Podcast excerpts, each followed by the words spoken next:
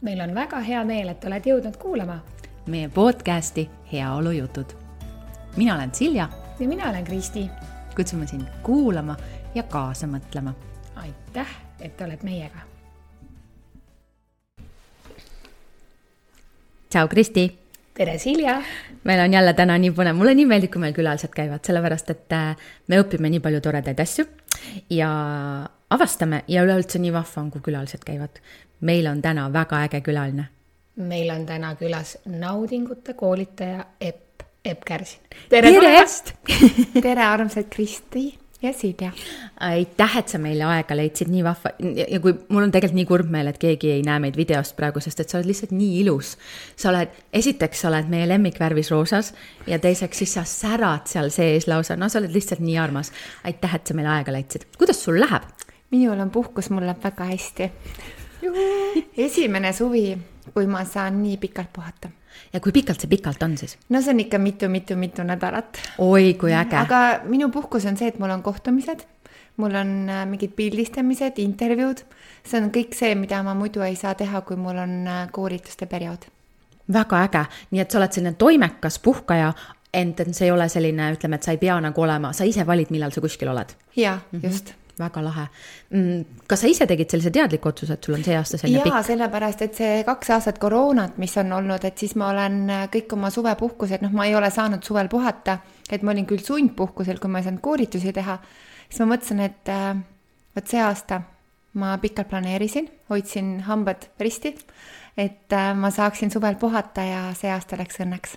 et Lahe. ma olen näiteks, täna on esmaspäev, aga eelmisel nädalal ma olin Tartu, Tallinn, Pärnu, Abruka, Hiiumaa, Saaremaa, Haapsalu, nii et mul on selline äge puhkus olnud ja, ja see kestab veel. sa oled kõik vägevad kohad läbi käinud, ühesõnaga. nii tore. ja ma olen nii palju oma sõpru näinud, kelle jaoks mul ei ole olnud väga pikalt aega mm,. see kõlabki nagu imelise puhkusena kuidas sõbrad suhtuvad äh, sellesse, et sa oled naudingute koolitaja, kas nad on ka su koolitustel tihedad külalised? no ütleme nii, et enamus sõbrad on küll, minu põhisõbrad on kõik käinud koolitusel.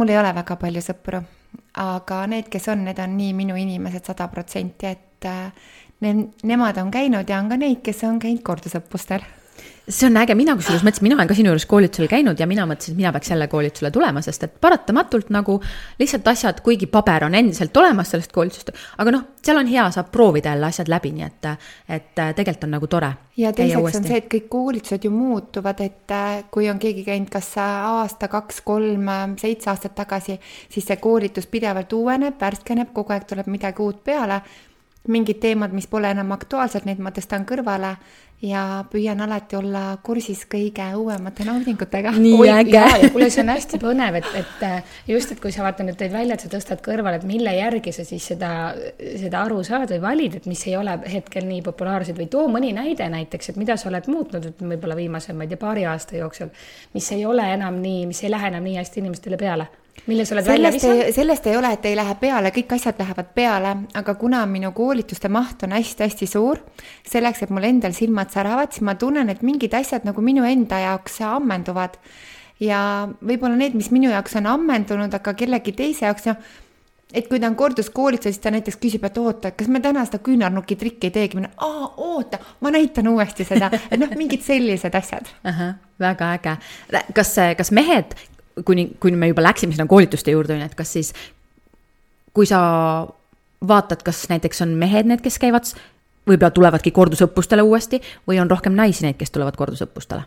või ei ole sellel üldse vahet? sellel ei ole väga vahet, et äh, ma pigem tooksin välja selle, et kui on käinud mees koolitusel eraldi ja naine eraldi koolitusel, kuna ma teen ka romantikapaketti, eks ju, Saaremaal paaridele, siis äh, tihti on niimoodi, et need mehed ja naised, kes on eraldi käinud, nad tulevad Saaremaale koos, sest see on selline nädalavahetus, kus sa võtad aja maha, lapsi sul kaasas ei ole ja sa oled sada protsenti kohal. Mm.. ja, ja see teadlikkus, mis sellel samal päeval tekib ja on nii palju paare, kes on olnud koos pikki-pikki aastaid ja nad ütlevad, et sellist nädalavahetust, kus nad on saanud teineteisega rääkida südamest südamesse, vot sellist nädalavahetust. On ka neid, kellel pole kunagi varem olnudki mm.. no seda on kurb muidugi okei., selles mõttes on kurb kuulda, on ju, kohe Kristi saad sinna vahele minna. et ei ole varem sellist nädalavahetust olnud, aga kui äge, et sa teed seda, et neil on see võimalus seda siis saada. et mina mina ütlen seda, et mina ei ole selles suhtes seksiekspert. mulle endale meeldivad väga naudingud ja ma usun selles, et kui me kõik siia maailma sünnime, et meil on olemas mingisugune hingekood või, või peatee, mida mööda me liigume. aga kuna seksuaalsus on olnud nii tabuks ja sellest on meile nii häbematult vähe räägitud, siis pigem ma julgustan neid vaatama nende kardinate taha ja nihutama enda piire. ja need üllatused, mis sealt välja tulevad, see on lihtsalt ülivõimas ja mul oli siin nii, nii palju nagu mõtteid onju, aga siis ma mõtlesin neid ringi. Ma tean, Epp, et sa oled käinud ka väljaspool Eestit koolitamas, näiteks Soomes ja mm, -hmm. ja eh, ma tean, et eestlasi, aga ma ei tea võib-olla ka soomlasi. Et kui sa nüüd võrdled, kas need Eesti, Eesti paarid või Eesti naised, Eesti mehed, on nad teistsugused, kui nad on Soomes, elades seal Soomes, versus see, kui nad on siin, ma just mõtlen seda, et meie inimestel on raske seksist rääkida ja see on äh, endiselt suhteliselt tabuteema noorte seas kindlasti nagu vähem, eks mm. -hmm. aga kas sa näed seal mingit erinevust ka või pigem näiteks mitte? mina näen ka vahet äh, va- Tartu ja Tallinna koolitustel. Räägi nüüd meile lahti, milline see vahe on? et äh, ma näen seda ka, kuidas äh, Tartu koolitused, nad alati täituvad sada protsenti, aga see protsess, kuidas nad täituvad, on natukene rahulikum. Tallinnas, nii kui ma panen koolituse üles, eks ju, eppkarsin.com, see kohe läheb praktiliselt hästi kiiresti ja kogu aeg vaatad, eks ju, et oleksid kuupäevad alati saadaval. Tartu inimesed on, see on väiksem linn, nad äh, võib-olla tunnevad teineteist, noh, võib juhtuda, nad tunnevad, et kui nad alguses tulevad, siis nad on natukene võib-olla krampis ja, ja tagasihoidlikud, aga kui see esimene teooria osa läbi on saanud, siis praktikas enam, vot seal ei ole vahet, aga Tallinna inimesed, need, kui nad tulevad, nad on kohe alguses nagu jutukad ja kohe tulevad küsima niimoodi, et koolitus pole veel alanudki, et seda avatust on Tallinnas rohkem. Ja Soome kohta see on hästi erinev, see sõltub nagu grupist, et äh, kui on inimesed, kes omavahel tunnevad, üldiselt nad kõik tunnevad ja Soomes on küll nii, seal on nagu sõpruskonnad. et äh, ma ei tea, eestlased on ikka nii ägedad ja eestlased on ikka seksirahvas, et mida rohkem ro- neid koolitusi ma olen teinud, seda rohkem ma näen ja tajun, et kuidas mingisugused minu tegevused on hakanud vilja kandma, et inimestel enam sellist häbematut häbi jääb aina vähemaks. Ja see on ainult vesi minu veskele. muidugi, mina lihtsalt mõtlesin seda ka, et vabandust, et löön sinna oma jalgadega juba siin ele- elevusest teid kõiki. mõtlesin selle peale, et äh, mis te üldse mõlemad arvate, et kust see tuleb tegelikult, no ma saan aru, et on olnud mingid aastad tuhat üheksasada nelikümmend, tuhat üheksasada viiskümmend ja nõnda edasi, on ju, kus võib-olla tegeleti muude asjadega kui seksist rääkimisega, aga me ikkagi oleme praegu aastal kaks tuhat kakskümmend kaks. et ku- kust see tuleb üldse, et inimesed omavahel ei räägi sellistest teemadest, noh, ja ei pea ju ainult olema seks, vaid üldse nagu äh, muud naudingud ja, ja kõik südameasjad, et miks inimesed ei räägi? ma arvan, et üks põhjus on see, et äh, me, meid ei ole õpetatud teadlikuks. enamus inimesed elavad mõistuse tasandil. elu on hästi lihtne, elu on hästi kerge, elu on täis üllatusi ja unista ja kõik lihtsalt juhtub ja teiseks on see ka tänulikkus, et kui mingid asjad on juhtunud, et sa oskaksid rõõmu tunda nendest pisikestest asjadest, neid märgata. ja seksis rääkimine ongi tabu olnud, aga inimesed ei räägi ka igapäevaelus teine teisega. kas või selline, et hommikul kallis, mis on sinu päev täna toomas?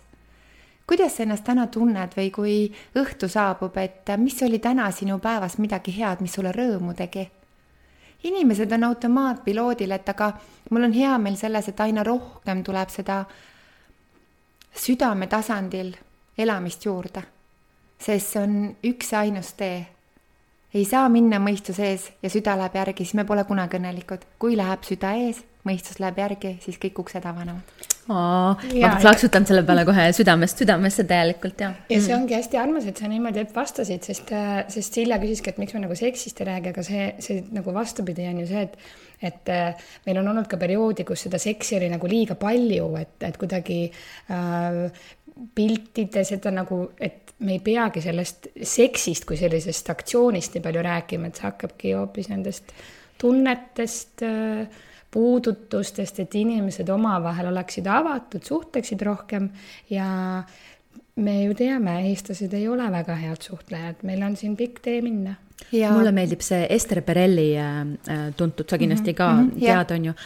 tema ütles, et tegelikult jär-, et ütleme siis vahekord algab kohe pärast järgmist vahekorda.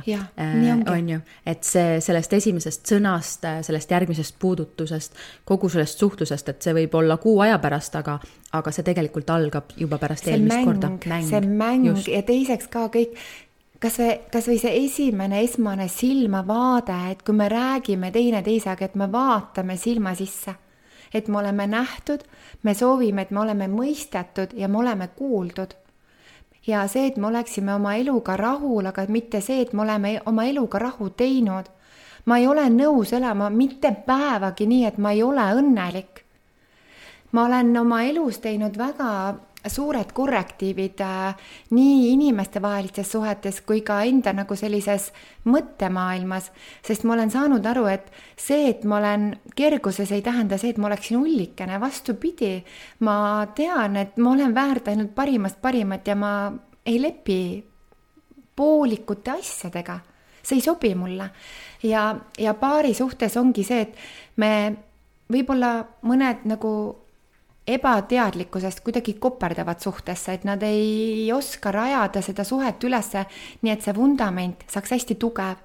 meie põhiväärtused peavad klappima, meie, meie intellektuaalne tasand, meie menta-, mentaalne tasand, meie füüsiline tasand, meie ka oskus küsida teise käest, kus sa näed ennast viie aasta pärast ja see nii toredasti, kui me küsisime ka, et kuidas me sind tutvustame, eks ju, et sa ütlesidki, et ma olen naudingute koolitaja, et oleks nagu seksikoolitaja, et vaata, et seks ei pea alati tegelikult üldse tähendamagi naudingut. ja, ja, ma tean ja..., vot see on see koht, milles, vot see tõmbab mind kohe niimoodi käima väga hea et kahjuks on see, et äh, paljude jaoks seks on mingi labane tegevus, mingisugune ärapanemine, seks nagu porno, lihtsalt mingisuguse loomaliku iha rahuldamine aga kui ma küsin, kas me oleme päriselt armatsenud, see on, see on püramiidi tipp, et sinna jõuda. kõik see, mis siin alumistes kihtides toimub, see on, see on kuidagi juhuslik ja, ja mul on isu ja ma tahan ja ma teen, eks ju. või see on ka mingisugune meelelahutus või see on ka stressist põgenemine või see on mingisuguse noh, mehed, kes on hästi ebakindlad, eks ju, nemad ju otsivad tõestust nagu, et noh, ma olen nagu hea, et ma tahan kinnitust saada või et, et mehel, kellel on probleemid sellise eneseväärtusega, siis nad ju otsivad kinnitust väga paljudest erinevat suhetest, et nad polegi huvitatud rohkem kui üks-kaks korda, see on nagu saak ja linnuke on kirjas. aga et minna suhtes sügavale tähendab seda, et ma võtan oma hinge täiesti alasti.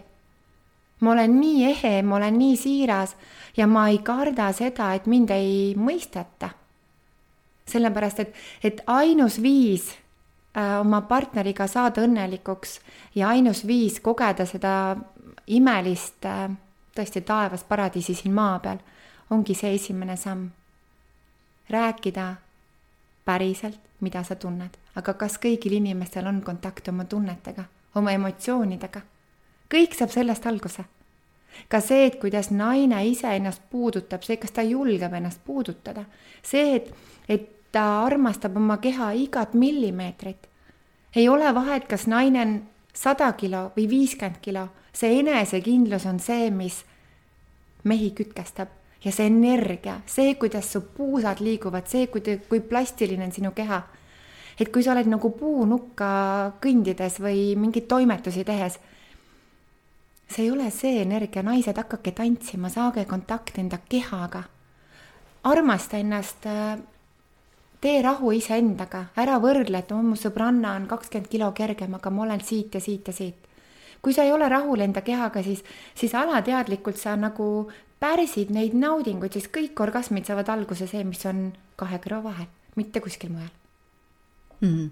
see, no jah, ainult saab alla kirjutada kahe käega, on ju, mega äge, aga see, see kõik on noh, meie oleme sellega nõus, ma arvan, et enamus tegelikult, kui kuulavad seda, saavad ju tegelikult aru, et nii ongi, on ju, kõik algab meil ju kahe kõrva vahelt pihta.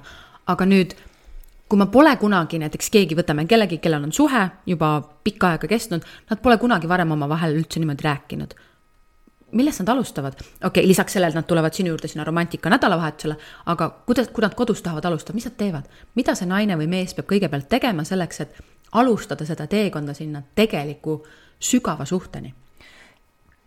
Kuidas see käib? kui seda ei ole kunagi varem olnud, siis praegune ajast on see, mis on niivõrd võimas, et kõik suhted pannakse proovile. Need lammutatakse laiali ja nüüd on kaks viisi, kas äh, tuleb keegi katalüsaatoriks ja lõhub ja lai-, lammutab selle suhte ära või need suhtes olevad inimesed on nii sügavas mustas augus, et nad otsivad abi. ja kui ma olen käinud sügaval mustas kohas ära, aga ma saan aru, et kuskil on mingi võimalus, et me tegelikult ju armastame teineteist, me anname uue võimaluse, suhet saab päästa siis, kui mõlemad pooled soovivad. esimese asjana, et kui sa ei tea, mida teha meil on olemas imagoteraapiad, meil on olemas prep-paarisuhte nädalavahetused. minge spetsialistide juurde, kui sul endal ei ole seda oskust, et kuidas nagu sealt edasi minna. aga kõige lihtsamad on ka sellised küsimused, et sa küsidki oma naise või mehe käest, et kas sina oled õnnelik? kas sina tunned, et mina armastan sind? kas ma olen sulle midagi sellist teinud, mis on sulle haiget teinud, aga sa ei ole julgenud mulle seda öelda sest kõik need äh, korduvad mustrid ju tulevad meile lapsepõlves, sellest on nii palju räägitud. ja ka see, missuguse paari suhte me endale loome. me ju oleme suhtes selle inimesega, kes on meie peegelduseks. see, missugust paarisuhet me saame endale nagu ette kujutada, tähendabki seda, et meil on olemas mingisugune allhoovus või alllugu et me teame, et vot see on võimalik. ja kui ma olen kasvanud sellises perekonnas, kus ema-isa ei ole olnud väga teadlikult suhtes ja ma olen näinud kõike seda kõrvalt, aga mul ei ole seda positiivset kogemust, siis ma valin ikkagi selle, mis on mulle tuttav ja turvaline isegi siis, kui see mulle on väga-väga haiget teinud. aga ma tean, et homme on täpselt samasugune jama edasi. inimesed kardavad muutusi, nad hoiavad kümne küünega oma suhtes kinni Nad võivad tülitseda, nad võivad üksteist petta, nad võivad lahku kolida, uuesti tagasi tulla. mina ütlen, et alati on see, et kui on suhtes kriis, siis on see võimalus kasvamiseks. ja väga rasketest kriisidest on olnud paare, kes äh, on olnud kakskümmend aastat koos, nad lähevad lahku, pool aastat, aasta on lahus, saavad kokku ja neil hakkab täiesti uuelt tasandilt, nullpunktist palju parem, palju teadlikum ja õnnelikum armastustäis suhe Epp, aga räägime sinust ja, ja sinu kasvamisest naudingute koolitajaks, et milline on olnud see sinu lugu? minu lugu on olnud uskumatult äge. sellepärast, et äh, see minu seksuaalsus on olnud lapsest peale. ma kasvasin hästi väikeses kohas, see oli avangardi koloos kunagi, Saadjärve ääres ja kõik äh, ema töökaaslased, kes mind sülle võtsid, meesterahvad, mis ma esimese asjana tegin, kaelas kinni ja keelega, pika keelega üle põse ja ütlesin murimusi. Nii et mul on olnud äh, wow., mul on olnud äh, selline mingi huvi väiksest peale, et kes see mees on, mis tegelane ta on ja kõik need arstimängud no te mängisite arstimängu või? see oli kõige põnevam mäng, sellepärast et siis sa olid arst ja siis oli nagu, sa pidid kõik kohad läbi vaatama, et kas kõik on ikkagi hästi. ja mina ei käinud äh, kooliski, kui mina sain unes orgasme. Aga ma ei teadnud siis, et see on orgasm ja kui ma olin äh, esimest korda vahekorras, ega siis see ju kohe ei õnnestunud, ma arvan, et enamustel esimene vahekord, sa ei saa seal öelda, vau, et midagi ägedat, see on nagu kasvamine, täpselt see kasvamise protsess. ja kui ma siis ühel hetkel jõudsin selle orgasmini, siis ma lihtsalt vau, aga ma olen seda unes kogu aeg saanud. ja ma saan seda tänaseni nii et kui mina lähen magama, siis minul algab täiesti teine paralleelmaailm. ma tean, et see on see teine paralleelmaailm, ma saan teha seal kõike, mis ma tahan.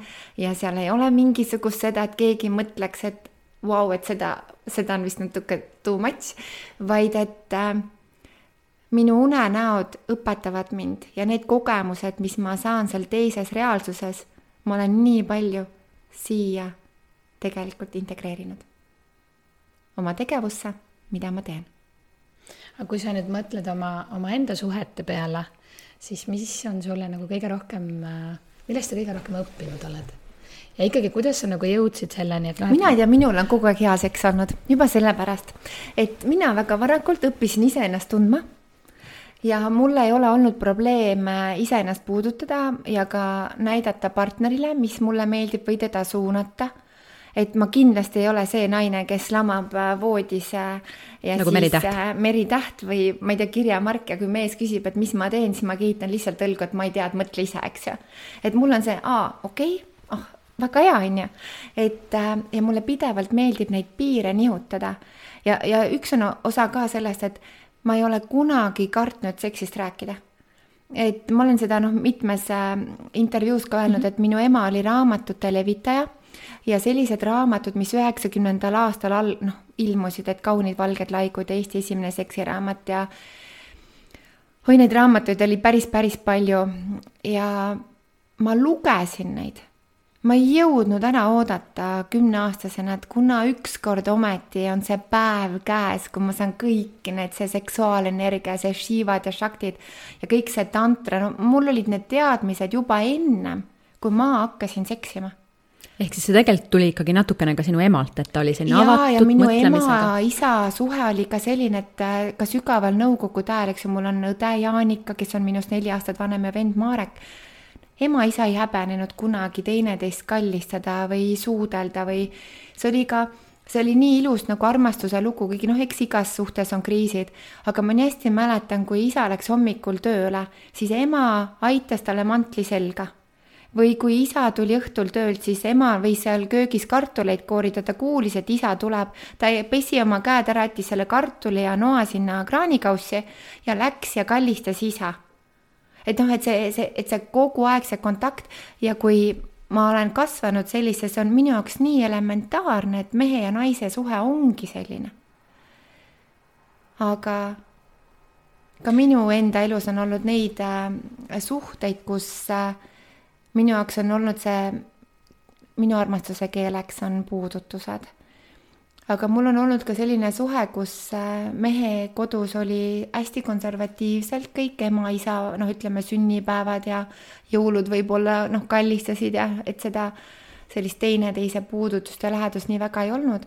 ja kui mina julgesin nagu öelda, et ma tunnen sellest puudust, siis sellest tuli väga palju tülisid ja ma ise lõpetasin selle suhte ära, sest ma tundsin, et äh, ma ei saa päriselt seda, mida mina vajan ja kui mina talle seda kõike, sest mul on nii palju on seda armastust minu sees, mulle kõik naised meeldivad, mulle kõik mehed meeldivad, aga see ei tähenda seda, et ma kõigiga nendega voodisse läheksin, vaid seda armastuse energiat on nii palju, et ma ei jää sellest vaesemaks, et ma hästi lugupidavalt ja austavalt suhtun sellesse.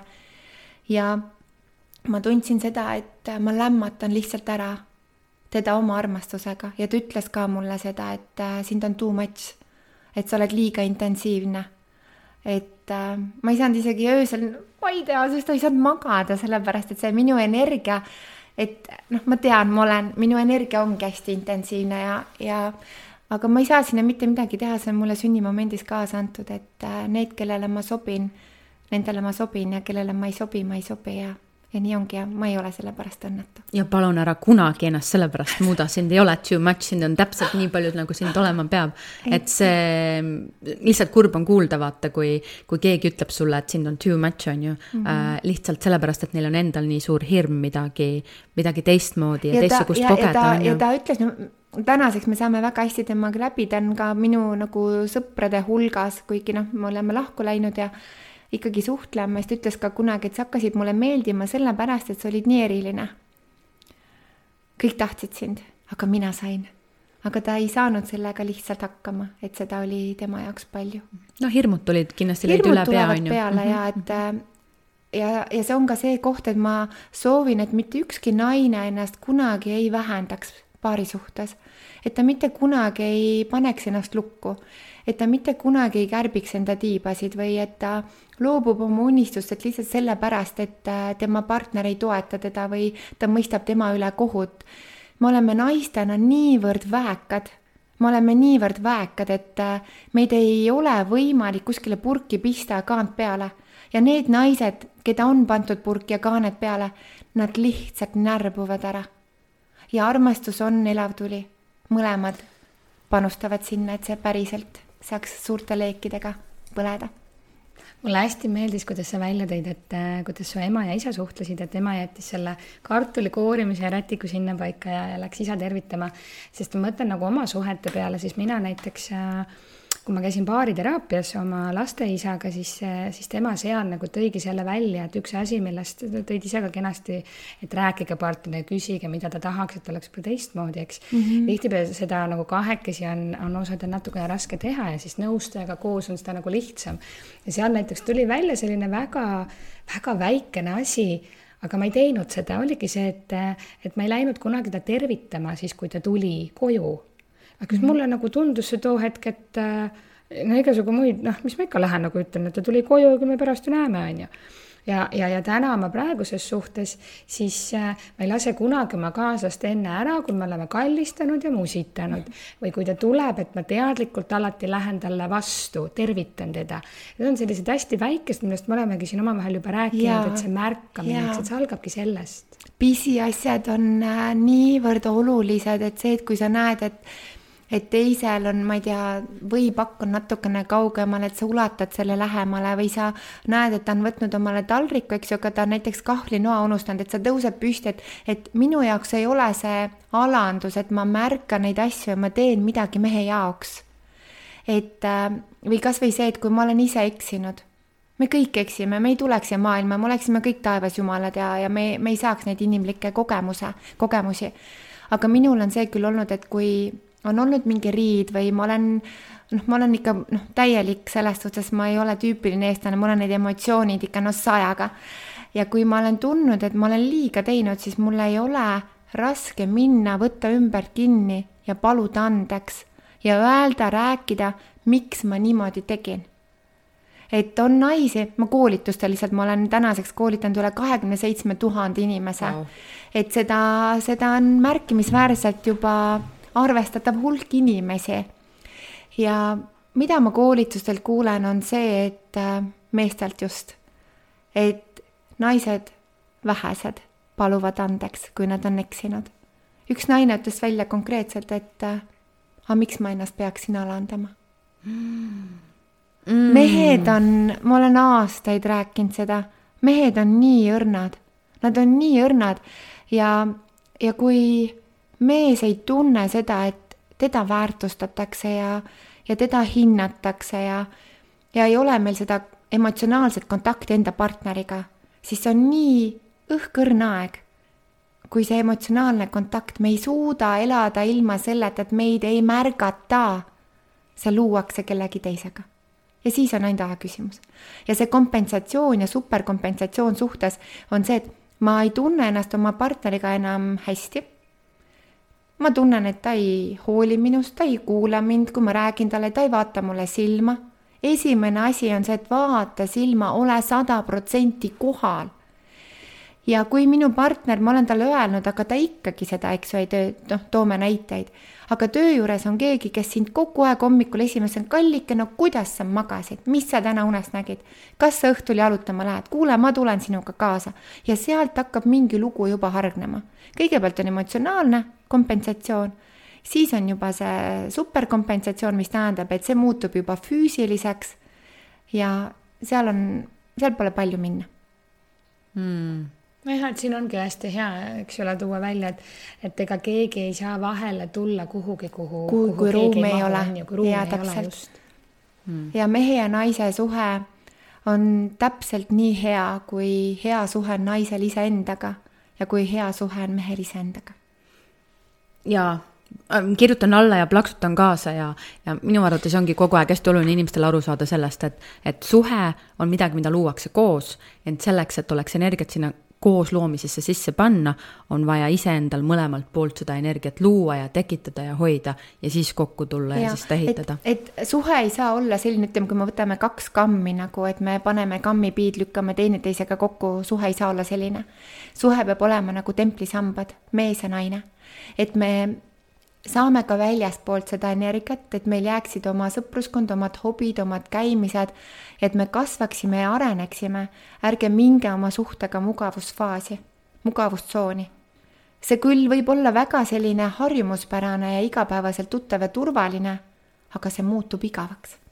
ärge olge igavad mm., olge ettearvamatud, tehke mingeid üllatusi ja õppige alati midagi juurde ja kasvage ja arenege koos. mida sina teed selleks, et äh, sinu suhe näiteks too mõni näide, kui sul on, on julged tuua, et mida sina teed, et kogu aeg suhe areneks? mingi viimane näide kasvõi näiteks, mis sa viimati tegid? viimati, no minul on see, et äh, mulle meeldib teha koos asju ja mulle meeldib teha eraldi asju. ma ei ole olnud kunagi mingi ooperifänn. käisin ooperis, oli väga huvitav kogemus Saaremaa ooperipäevadel sain lõpuks sellest kõigest ooperist laupäeva õhtuks, oli mul ausalt öeldes üledoos. aga, aga see oli selline jällegi noh, mingisugune teistsugune kogemus või see, et, et siis mul oli mõte ka, et vot ei ole ammu käinud äh, stripiklubis ja siis pakkusin ise välja, et kuule, et aga lähme. ja siis me käisime sõpradega stripiklubis ja, ja ma ei ole nagu selline kade naine, et kui seal ongi nagu see naine, kes seal tantsib nagu, ma olin ise see, kuule, et oota, kas sa raha ei panegi sinna nagu rinnahoidja vahele, et sa peaksid seda tegema. et ma ei ole nagu kade selles suhtes, et mulle meeldib see, et, et mees ei tunne ennast ahistatuna. ärge ahistage oma mehi ärge kontrollige neid, andke neile ruumi, andke neile vabadust. mida rohkem sa vabadust annad, seda rohkem mees hoiab sinu poole. kõige hullemad on need kontrollifriigid. kellega sa räägid? kes see sulle helistas, kes sulle sõnumi saatis, kuhu sa lähed, kuna sa tuled mehed lihtsalt, äh, nad põgenevad sellistest suhetest. no see on see, et kui see sa. privaatne ruum peab jääma, see vabadus peab meile jääma. usaldus. usaldus ilma usalduseta. usaldust mm -hmm. ei saa teiselt ennem küsida, kui sa ise ei ole nõus ta esimesena andma. on ju, et see, see ei tule nii, et no ma nüüd vaatan kõigepealt sul siin tõute pealt, palju õunu sa mulle tood, kui hästi ma sind usaldan. ei, sa pead usaldust esimesena andma selleks, et teine inimene saaks sind vastu usaldada. eks see tuleb ka väga palju sellest, et lihtsalt äh, naised on väga ebakindlad ma tahtsin just mm -hmm. sinna jõuda, et see kõik see armukadedus ja kõik sellised teemad on. no alles toon näite, käisin nädalavahetusel, olin Pärnus, nägin oma ühte väga vana lapsepõlvesõpra, kellega me oleme tõesti kolmandast eluaastast no, praktiliselt koos. ja, ja meil on noh, hästi väga-väga-väga eriline sõprus. ja siis minu sõbra praegune elukaaslane on kuidagi kitsi sellega, et ma suhtlen. ja siis ma, ma ei lase sellest ennast üldse häirida, siis ma ütlesingi, et sa pead ütlema talle, et mina olin enne teda ja olen ka peale teda, et mis iganes elu nagu toob. et palun, kallid naised, et kui teie meestel on sõbrad või sõbrannad, ärge muutuge sellisteks nõmedateks bitch ideks sest ka mehed vajavad enda kõrvale lisaks oma meessoost sõpradele naissoost sõpru, kellega arutleda mingisuguseid asju võib-olla, kes oskavad anda neile võib-olla sellist nõu, mida nad ei julge oma naiselt küsida. mina oma sõpradega olen alati hästi aus olnud, et esimese asjana on alati see, et kui on mingi kriis, hästi lihtne lahku minna, aga püüa tegelikult aru saada, mida sa ise tegid valesti. ära süüdista teist sest suhtes on alati kaks osapoolt. nii et mul see nädal on olnud hästi põnev nädal, ma ei ole terapeut, aga ma olen kuidagi sattunud kuskile sellistesse paarisuhete kriisidesse ja ma tegelikult naudin seda, sest, sest mina näen, ma näen, ma, näen mingisuguseid energiaid, ma tajun niimoodi, et mul ei ole sõnu vajagi et ma vaatan peale ja siis mingi info tuleb ja ma hakkan rääkima, siis nad küsivad, aga kus, kust sa tead seda, ma ütlesin, no et ma ei tea, ma olen lihtsalt kanal, ma, ma olen nagu lihtsalt häälestatud sellele sagedusele, see info lihtsalt tuleb. et äh, ja ma olen ise mõelnud, et aga sellest on mulle väga palju kasu, sellepärast et ma ei karda välja öelda neid asju, mis info tuleb. ja kui ma olen selle edasi andnud, siis tihti on see, et need inimesed ise, kui nad on oma suhte sees, nad ei näe neid asju. Sest seal on emotsioonid ja, ja kõike seda nagu liiga palju. ja siis sa paned lihtsalt nagu mingisugused äh, punased täpikesed ja siis annad ta usaldusse, vabadusse, et mine tegele nende teemadega ja minu arust nii peakski see olema ja ma olen alati hästi neutraalne, kui keegi tuleb, ma ei tea, naine tuleb, räägib oma mehest, issand, missugune põrdas on. mees tuleb, räägib, tead, naine on täiesti, täiesti, täiesti kohutav, siis ma olen alati olnud eh, hästi neutraalne. ma kuulan ära, ma ei ole kunagi olnud see, kes hukka mõistab, isegi kui seal on mingid armukolmnurgad olnud, sest et äh, mind on kasvatatud niimoodi, et ema alati on väiksest peale meid kõiki kolme last kasvatanud nii, et hästi lihtne on hukka mõista aga püüa tegelikult mõista. see nõuab palju rohkem teadlikkust. nii et äh, praegune ajast on hästi huvitav inimestel ja ma naudin seda, et äh, mõned suhted, mis on hästi keerulised ja väga valed, ei saa öelda valed, need on õppetunnid meie elus. et kui me oleme need õppetunnid kätte saanud, siis me saame alati minna edasi palju suurema pagasiga, et me oskame teha õigemaid valikuid me ei tee enam kompromisse. kui sina oma hinge tasandilt oled saanud aru, et ma olen need õppetunnid kätte saanud, et mulle enam rohkem nii ei sobi, siis see vanajumal seal kõrgel taevas vaatab, aa, see hullike on ka targaks saanud, okei okay,, lükkame need kehvad asjad kõrvale, anname talle ainult selle, mida ta päriselt ka usub, et ta väärt on. jah, ja mhm. vaata seesama näide, mis sa tõid oma oma sõbrast, eks ju, et, et ilmselgelt äh, sellel naisel on hirm, et mis mõttes, eks ju, et, et kallimal on siis äh, naudingute seksikoolitajast sõbranna ja hirm, et äkki see mees nüüd läheb ära. et inimestel on tavaliselt need hirmud ju seal taga, et nendest hirmudest lahti saada ja siis lähebki elu palju ilusamaks. ja, ja mul on tegelikult minu sõpruskonnas on hästi palju just rohkem meessoost sõpru ja nende hulgas on ka selliseid mehi, kes varjavad oma naise ees, et nad tegelikult suhtlevad minuga lihtsalt äh, sõbra tasandil, seal ei ole mitte midagi intiimset. mul oligi selle kohast, mul tuli meelde, et ma tahtsin su käest kindlasti täna küsida, kui ma teadsin, et sa meile podcast'i mm -hmm. tuled külaliseks kuidas sa saad hakkama selle eh, noh, nagu me oleme rääkinud, eh, seks on tabuteema, naudingutest rääkimine, sul on veel palju meessõpru, nende eh, naised kindlasti kõik seda heaks ei kiida, et, et sa nende ei, need naised oled. ei teagi, et ma olen nende meeste no, sõber. ja siis mõne telefonis ma olen Vitjuk Sankt-Peterburg näiteks onju sellepärast et ta ei saa lihtsalt panna mind äh, oma telefoni õige nimega. miks no, sa selle Vitsukiga nii tihti suhtled? jah, et, et see on, see on lihtsalt nagu minu jaoks äh, arusaamatu, et äh, kuidas sa kuidas sa nagu nii palju kardad oma naist, et sa ei julge talle öelda, et Epp on minu sõber või et...? aga vot, kuidas see tulete ja, ja kindlasti on ka täitsa, eks ole, võõrad inimesed, sa oled avaliku elu tegelane, sind on palju teles, raadios et kuidas sa tuled nagu nende negatiivsete kommentaaridega ja selle, sest et eks sellega mõlemat, eks ole, on, kuidas sellega toime tuled? minul on, minul on vist nii suur kaitse, et minu energiavälja väga naljalt inimesed ei pääse. mul on nagu täiesti mingisugune valik juba, universum teeb ära, et need, kes pääsevad üldse mu lähedale ja negatiivsed kommentaarid minuni ei jõua et kui ma käisin nädalavahetusel Sunsetis, siis mul oli ülilahe, noh, eks muidugi alkohol teeb inimesi julgemaks, aga see oli puhas teraapia nendele inimestele, et nad said öelda välja, kuidas, mis on toimunud peale seda, kui nad käisid minu koolitusel.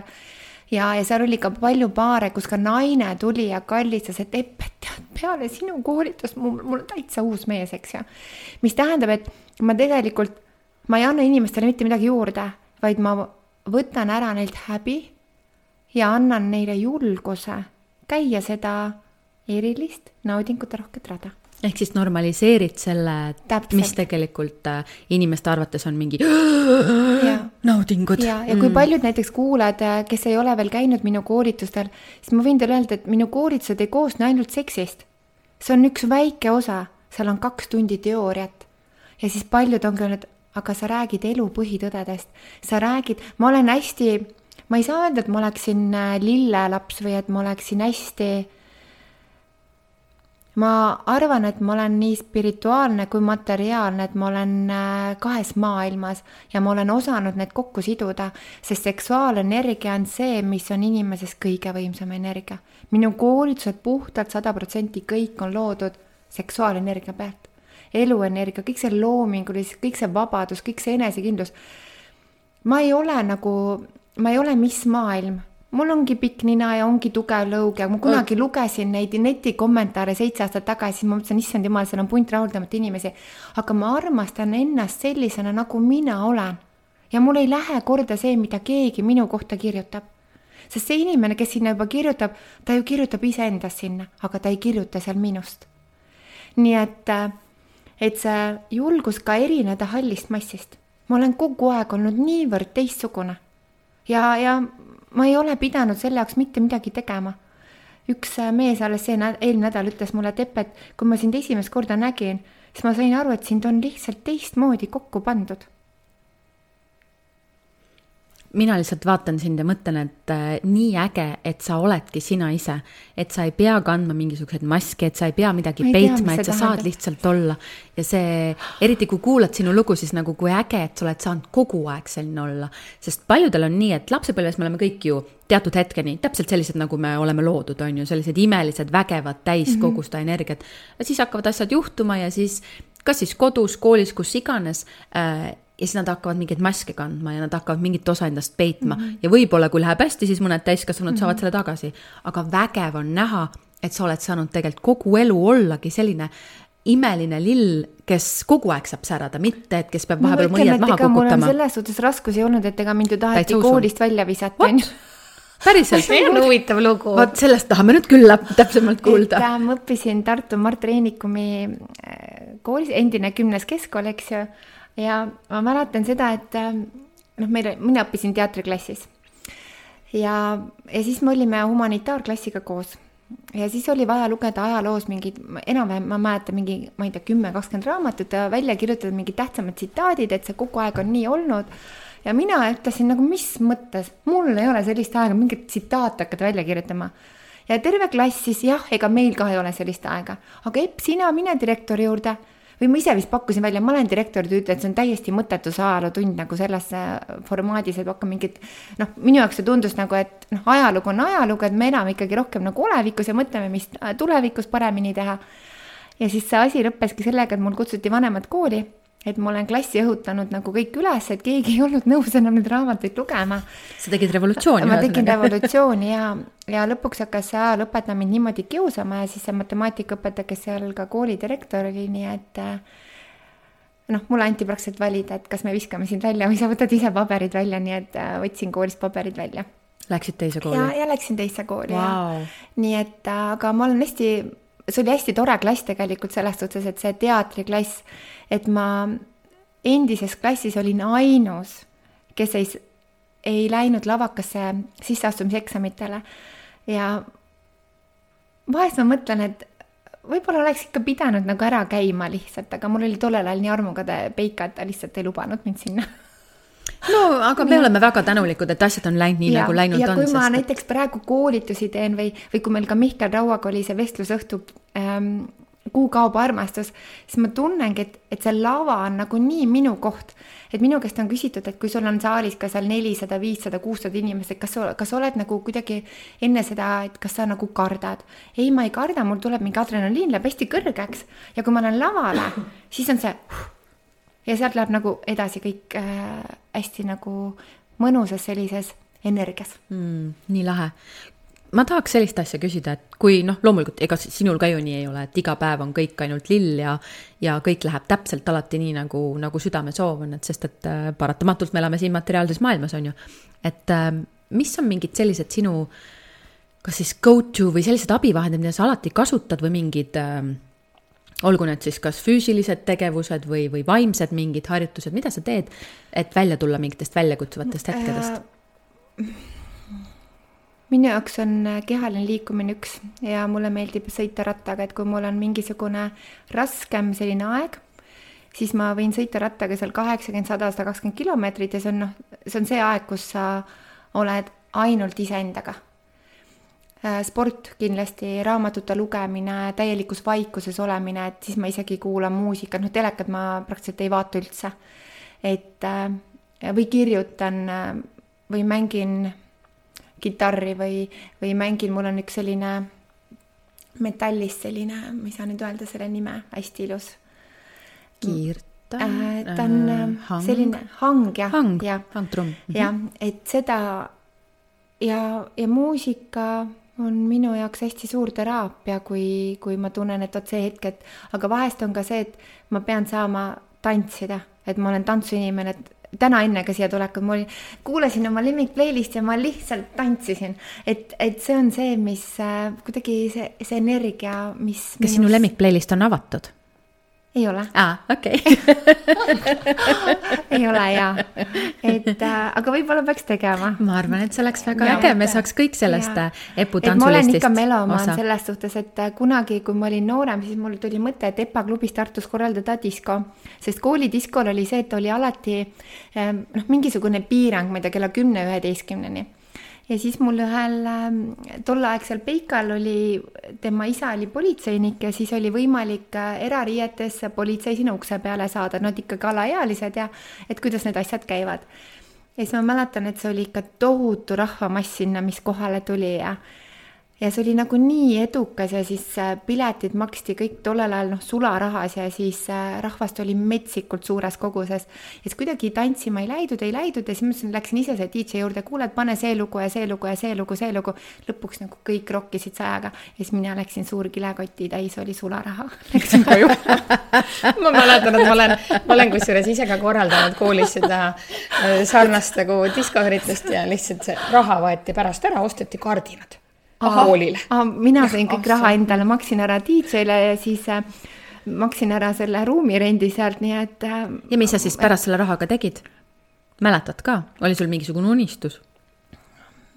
seda ma küll ei mäleta, et ma sellega tegin, aga ma mäletan, et ma igastahes äh, ilusasti triikisin kõik selle raha sirgeks nagu päris sina, ärikas siin on hea küsida, et mille peale sa täna kõige rohkem siis nagu seda raha investeerid kulu, ma tegelikult ei taha, ma mõtlesin lihtsalt, et raha kulutad, eks ole, aga et see kulutamise sõna ei ole just kõige parem, et ei ole vaja hakata rääkima, mis aktsiatesse investeerida, eks.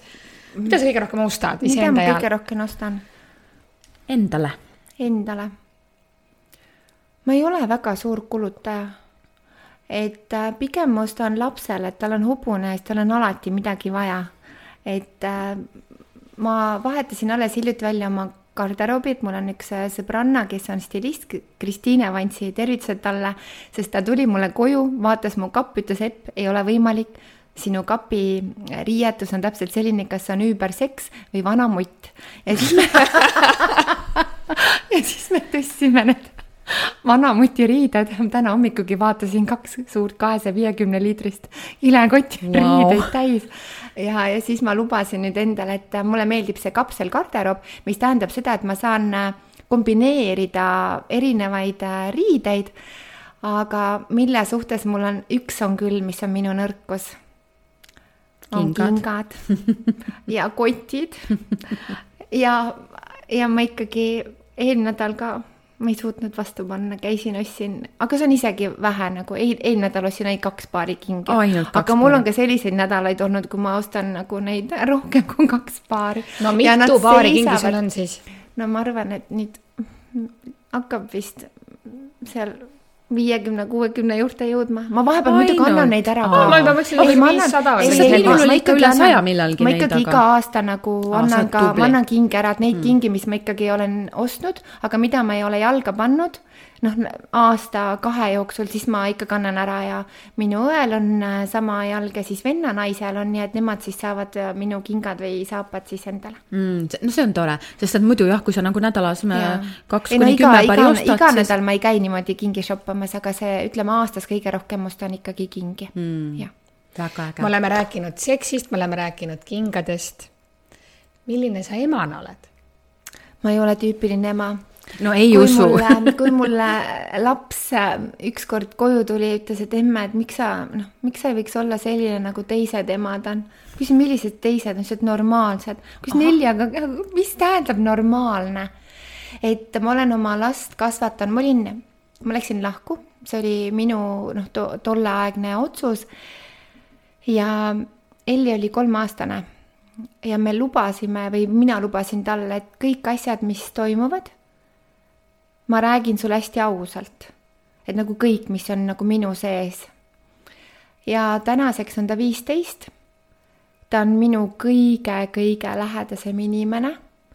meil ei ole seda, et tema oma teismelises mingis eluperioodis jätaks mulle midagi rääkimata ma saan teda sada protsenti usaldada, et kui ta ütleb mulle, tead, emme, et ma täna koju ei tule, et ma lähen sinna või sinna või sinna, siis ma olen teda alati lubanud ja ma olen alati ka öelnud, et see kestab täpselt nii kaua, kui sa ei ole minu usaldust kuritarvitanud. ja, ja meil on selles suhtes hästi ebatraditsiooniline ema-tütre suhe. et no ma räägin talle, noh, meil ei ole teemasid, mille üle me ei räägiks. et nagu tõesti seksist alates kuni mingite suheteni või, või, või hobuse teema, noh, mi-, mida iganes nagu, mis, mis iganes see on nagu, et, et on hästi suur õpetaja mulle. et tema on pigem olnud see, et mina olen hästi emotsionaalne ja siis ma usaldan inimesi võib-olla liiga kergelt, siis tema on alati öelnud mulle, et emme, et et äkki sa peaksid natukene ikkagi enne seda inimest tundma õppima, kui sa midagi talle räägid või, või kui sa temaga midagi hakkad koos tegema. ja ma olen teda ka kuulanud, tema selline, ma arvan, et ta on hästi vana hing, sest äh, vahest ma ütlen ka talle e, emme, ma ütlen, oota, Elli, et äh, ja noh, kuna ma olen selliste, ma ei tea, kuidas nüüd öelda, et ma näen mingeid asju, mis on olnud varem, kui ma olen siia tulnud, siis see lugu on olnud meil äh, ka varem koos. nii et mul on hästi äge tütar aga jaa, et äh, ma ei ole, ma jah, ma ei ole selline, et kes väga palju keelaks, et pigem ma olen selle, sellist tüüpi ema, kes ütleb, et kui sa soovid, siis äh, see on sinu kogemus, et ma võin sulle rääkida, aga kui sa soovid, siis sa võid seda teha. et jah, meil on, mul on väga äge tütar mm.. nii tore kuulda, eriti mulle meeldis see, et sa ütlesid, et meil on väga eriline ema-tütre suhe, sest mm. et äh, ma sageli kuulen, naised ütlevad, et oo oh jaa, mm, tütar on mu parim sõbranna, et äh, seda oli väga hea kuulda, et sina siiski definitseeri-, defini-. Defineerisid selle mm -hmm. kui mhm. ema-tütre suhe, sest et te oletegi ju ema-tütar, teil võib olla väga lähedane mm -hmm. suhe, aga elu sees ei saa tegelikult tema sinu parimaks sõbrannaks, sest et on ja. su tütar. ta on mu tütar, jah. väga lahe ja tema on, ja, ja tema on alati ka see, et nagu, mis sa selga paned või issand jumal nagu, et nagu tema on ka kõige suurem, suurem kriitik ja et nagu mm, -hmm. et kui ma siin loobusin liha söömisest, et ma lihtsalt, lihtsalt ühel hetkel tundsin, et ma ei taha enam liha, et ma söön küll kana ja kala, aga kuidagi liha läks nagu ja siis ta noh, kas sul on ikka seda vaja nagu, nagu, nagu selline, et, et temal, tal on hästi omad põhimõtted ja, ja mulle nii meeldib, et ta ta on hästi selge, ta nagu täpselt teab. nii et äh, jah mm., tore. nii tore. mis sulle elus veel heaolu pakub peale siis äh, naudingute? ja tantsu. mulle meeldivad inimesed. naudingut ja sellist heaolu pakuvad mulle lihtsad, ilusad ja austust täis lähedased suhted, kus, äh, kus inimesed ongi nagu nii ehedad. ma ei saa öelda, et ma vihkan, vaid mulle ei sobi inimesed, kes on võltsid. mulle meeldib ehedus, mulle meeldib siirus. ma olen ise maalaps ja, ja ma olen, ma olengi täpselt samasugune, nagu ma siia Tallinnasse tulin aastal kaks tuhat üksteist. ma ei ole muutunud. ma olen no nii, vahepeal veitsakene siin helisid ka et äh, ma ei ole muutunud, et ma olen täpselt samasugune, et ma ei arva, et ma oleksin kuidagi see, mis ma teen, et ma oleksin kuidagi eriline või, või teist, teistmoodi. ma arvan, et äh, ma teen lihtsalt, ma käin oma hingeteed mm. ja, ja see on minu kirg ja see paneb mul silma särama. ja ma näen, kui palju, kui tuhandete-tuhandete inimeste elusid ma olen muutnud läbi selle, mida mina ise armastan. aga äkki sul on veel midagi sellist, mida sa tahaksid kindlasti ära teha või, või mingi selline? oi, mul on nii palju asju, mida ma tahan teha, et äh, mul on näiteks üks asi, mida ma, ma kardan rääkida inglise keelt. et ma loen, ma vaatan filme, ma kõik, kõik see aga ma kardan rääkida, ma kardan eksida, et selles suhtes ma olen nagu perfektsionist, et kui, kui ma ei tea, et ma olen sellest nagu väga hea, siis ma pigem nagu ja, ja nüüd on minu suureks selliseks äh, enda, täna hommikul oligi kirjavahetus, et ma lähen sugestiivõppele, mis tähendab hästi intensiivset äh, sellist äh, inglise keele õppimist. ja siis ma tahan minna keelepraktikale ilmselt Eestist välja kuskile, kus ma olen täiesti üksinda ja ma olen sunnitud rääkima, et ma oma hirmust üle saaksin. Ja kindlasti ma laienen Eestist välja, sellepärast et äh, mitte kuskil Euroopa Liidus ei ole sellises formaadis sellist koolitust, on küll tantrakoolitus ja kõik see, aga see, mis mina kokku olen pannud, sest miks ma olen nagu nii enesekindel selles, et ei ole, sest hästi paljud väliseestlased, kes ka see suvi tulid tänu sellele Eestisse, et nad said koolituse minu kohale, nagu minu, minu juurde. ja siis nad ütlesid ka, et äh, kui sa tuleksid äh, Prantsusmaale või Itaaliasse või Austraaliasse, et äh, ütle ainult ja me paneme grupi kokku, et tule. nii et ühel hetkel jaa, ma teen seda ja teiseks, mis on hästi huvitav rebranding, et kui varem oli, kui ma alustasin, oli mul ju kodulehekülg lingam.ee, siis oli amareluna.com ja tänaseks on seppkarsin.com, sellepärast et inimesed Amare Lunast, noh, nad ilmselt on kuulnud, aga kõige rohkem otsitaksegi Google'i järgi Epp Kärsini seksikoolitused. no ja sinu nimi on sinu bränd. ja, ja siis kõik ka, kõik tooted ja kõik ongi väga-väga suur rebranding toimub praegu, nii et ma olen ise väga põnevuses, mis sellest kõigest nüüd kokku tuleb sa oled ikka üks vinge naine. noh, me, eestlased on ikka siis väga, väga õnnelikud, et meil on oma Epp Kärsin olemas, sest et, et kui tahetakse mujale ka Eppu, siis järelikult äh, me, sa oled nagu meie siis see üks äh,, äh kuidas see on see, unicorn jah. Ja, ja, ja mul alles hiljuti kuidagi jäi silma üks artikkel, üheksakümne kolme aastane Rutt Vest või midagi sellist, kes on ka seksiterapeut Ameerikas ja ta on siiamaani aktiivne ta teeb endiselt koolitusi, ta annab loenguid, ta nõustab paare. nii et kui ma mõtlen, et ma saan sügisel kohe nelikümmend kolm, siis mul on veel aega viiskümmend aastat. No, väga äge, väga äge. ma, ma arvan, et see on, see on hea koht, kus kokku võtta, et, et kui sinul särasilmsel epukene on, on, on tahtmine veel viiskümmend aastat äh, inimesi koolitada ja meile heaolu luua, siis, äh, siis ma arvan, et no ma arvan, ma arvan, naudingud ja heaolu on tegelikult ikkagi suhteliselt, käivad käsikäes, sellepärast et ilma, ilma naudinguta ei ole heaolu ja, ja heaolu on seal naudingu sees kindlasti. ja, mida ma veel tahaks lõppu öelda, nagu üks uus suund, mida noh, nüüd on hästi nagu suuremalt läinud juba laiali, on see, et ma ei tee ainult täiskasvanutele koolitusi, vaid ma teen noortele loengud, on teadlik seksuaalhariduse koolitus noortele, kus siis ma alates kaheteist eluaastast, kaksteist kuni neliteist on üks grupp, siis on viisteist kuni seitseteist teine grupp ja need on hästi populaarsed, et mul ähm, kevadel oli selline lugu, et äh, üks äh, tüdruk võttis minuga ühendust, ütles, et nemad koolis palusid, et kool mind kutsuks, aga kool keeldus ja nemad panid ise oma pundi kokku ja tulid minu stuudiosse, on Paldiski maantee kakskümmend üks ja siis ütlesidki, et aga miks meile koolis nendest asjadest ei räägita ja, ja juba nüüd sügisel tegelikult äh, on samamoodi uuesti koolitused avalikult seal minu kodulehekülje peal eppkarsin.com, kus siis lapsevanemad, kellel on endal võib-olla natuke ebamugav rääkida oma tütre või pojaga nendel seksiteemadel, siis ma julgustan neid lapsevanemaid võib-olla koolitusele hoopis äh, saatma oma noored. aga kas sa oled äge. pakkunud ise koolidele? ei, ma ei ole pakkunud seda sellepärast, et kool peab olema valmis, juhtkond peab olema valmis ja on koole, kes ise võtavad minuga ühendust ja ma lähen sinna suurima hea meelega aga ise niimoodi, et ma läheksin ja käiksin, pakuksin, siis seda ma ei ole teinud.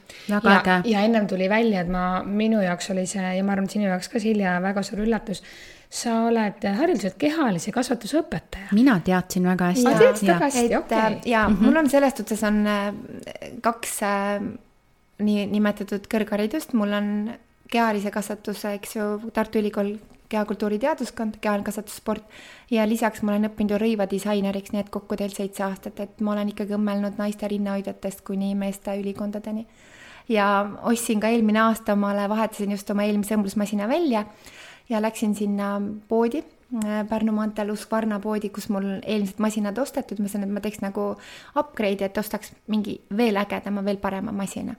Ja ma ostsin nii moodsa masina, et äh, ta on nii moodne, et ma ei oska seda kasutada nii et ma ootan seda aega, kui mul siis tekib aeg, et ma õpin selle masina selgeks no,.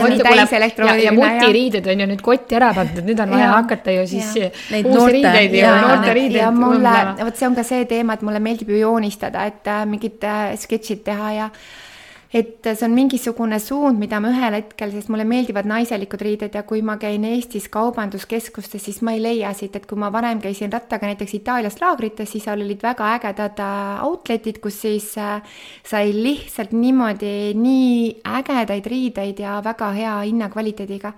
Et äh, ühel hetkel ma loodan, et on ka Epp Kärisini riidebränd. see kõlab väga hästi, ma loodan, et neil on palju roosasid ka siis kunagi. jaa sul on endal nii ilus roosa kostüüm. jaa, aitäh, aga jah, et minu unistustel ei ole olemas piire.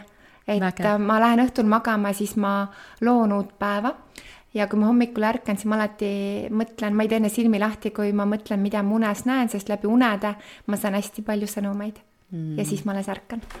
nii äge. aitäh, et sa inspireerid, aitäh, et sa oled ja aitäh, et sa oled täpselt selline, nagu sa noh, ma arvan, et kes, kes sind pole kunagi võib-olla kohanud, võib-olla nad mõtlevad, et noh, see on mingi selline olek, aga sa oledki täpselt selline avatud, imeline ja soe, aitäh, et sa oled selline. ja aitäh, et sa meile aega võtsid. Äh, ma loodan, et meie kuulajad on ka ülimalt, ülimalt äh, rõõmsad ja tänulikud. tänan, Silja.